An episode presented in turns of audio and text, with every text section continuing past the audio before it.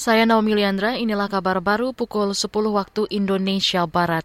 Presiden Joko Widodo menekankan tidak boleh ada pihak yang mendikte dalam kemitraan antara ASEAN dan Uni Eropa. Itu disampaikan Jokowi saat berpidato pada acara pembukaan KTT 45 tahun ASEAN Uni Eropa di Belgia kemarin. Jokowi mengatakan hubungan ASEAN Uni Eropa tidak selalu baik-baik saja. Banyak perbedaan yang harus kita selesaikan. Oleh sebab itu, jika ingin kita membangun sebuah kemitraan yang lebih baik, maka kemitraan harus didasarkan pada kesetaraan. Tidak boleh ada pemaksaan, tidak boleh lagi ada pihak yang selalu mendikte dan beranggapan bahwa my standard is better than yours. Presiden Jokowi mengatakan banyak tantangan yang telah dilalui selama 45 tahun kemitraan ASEAN Uni Eropa. Kata Jokowi, kemitraan telah membuahkan hasil yang baik. Jokowi mendorong kemitraan kedua belah pihak harus didasarkan pada prinsip kesetaraan.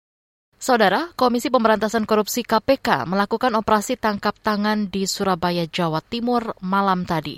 Juri bicara KPK Ali Fikri mengatakan ada beberapa pihak yang ditangkap dalam operasi senyap itu. Salah satu yang ditangkap diduga Wakil Ketua DPRD Jawa Timur, Sahat Tua Simanjuntak. Iya, jadi eh, benar tadi malam eh, tim KPK berhasil melakukan tindakan tangkap tangan terhadap beberapa pihak yang eh, diduga sedang melakukan tindak pidana korupsi berupa suap di wilayah Surabaya, Jawa Timur. Dan saat ini tentu tim KPK masih terus kumpulkan bahan keterangan dari pihak-pihak yang ditangkap tersebut. Setelahnya pasti kami akan sampaikan secara utuh dan lengkap seluruh hasil dari rangkaian kegiatan tangkap tangan yang dilakukan oleh KPK dimaksud. Itu tadi juri bicara KPK Ali Fikri. Sementara itu, pimpinan DPRD Jatim belum enggan identitas anggotanya yang dicokok KPK. Saat ini ruang kerja Wakil Ketua DPRD Jatim sudah disegel tim penyidik KPK. Terakhir ke lantai bursa. Indeks harga saham gabungan IHSG kembali melemah pagi ini. Indeks melemah 28 poin ke level 6.773. Pelemahan juga terjadi pada perdagangan kemarin.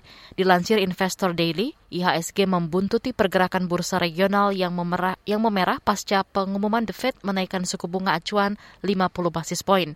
Tercatat sebanyak 8 miliar saham diperdagangkan dengan nilai transaksi mencapai 5 triliun rupiah. Sebanyak 150 saham menguat, 180-an saham melemah, dan lebih 190 saham stagnan. Demikian kabar baru KBR, saya Naomi Liandra undur diri.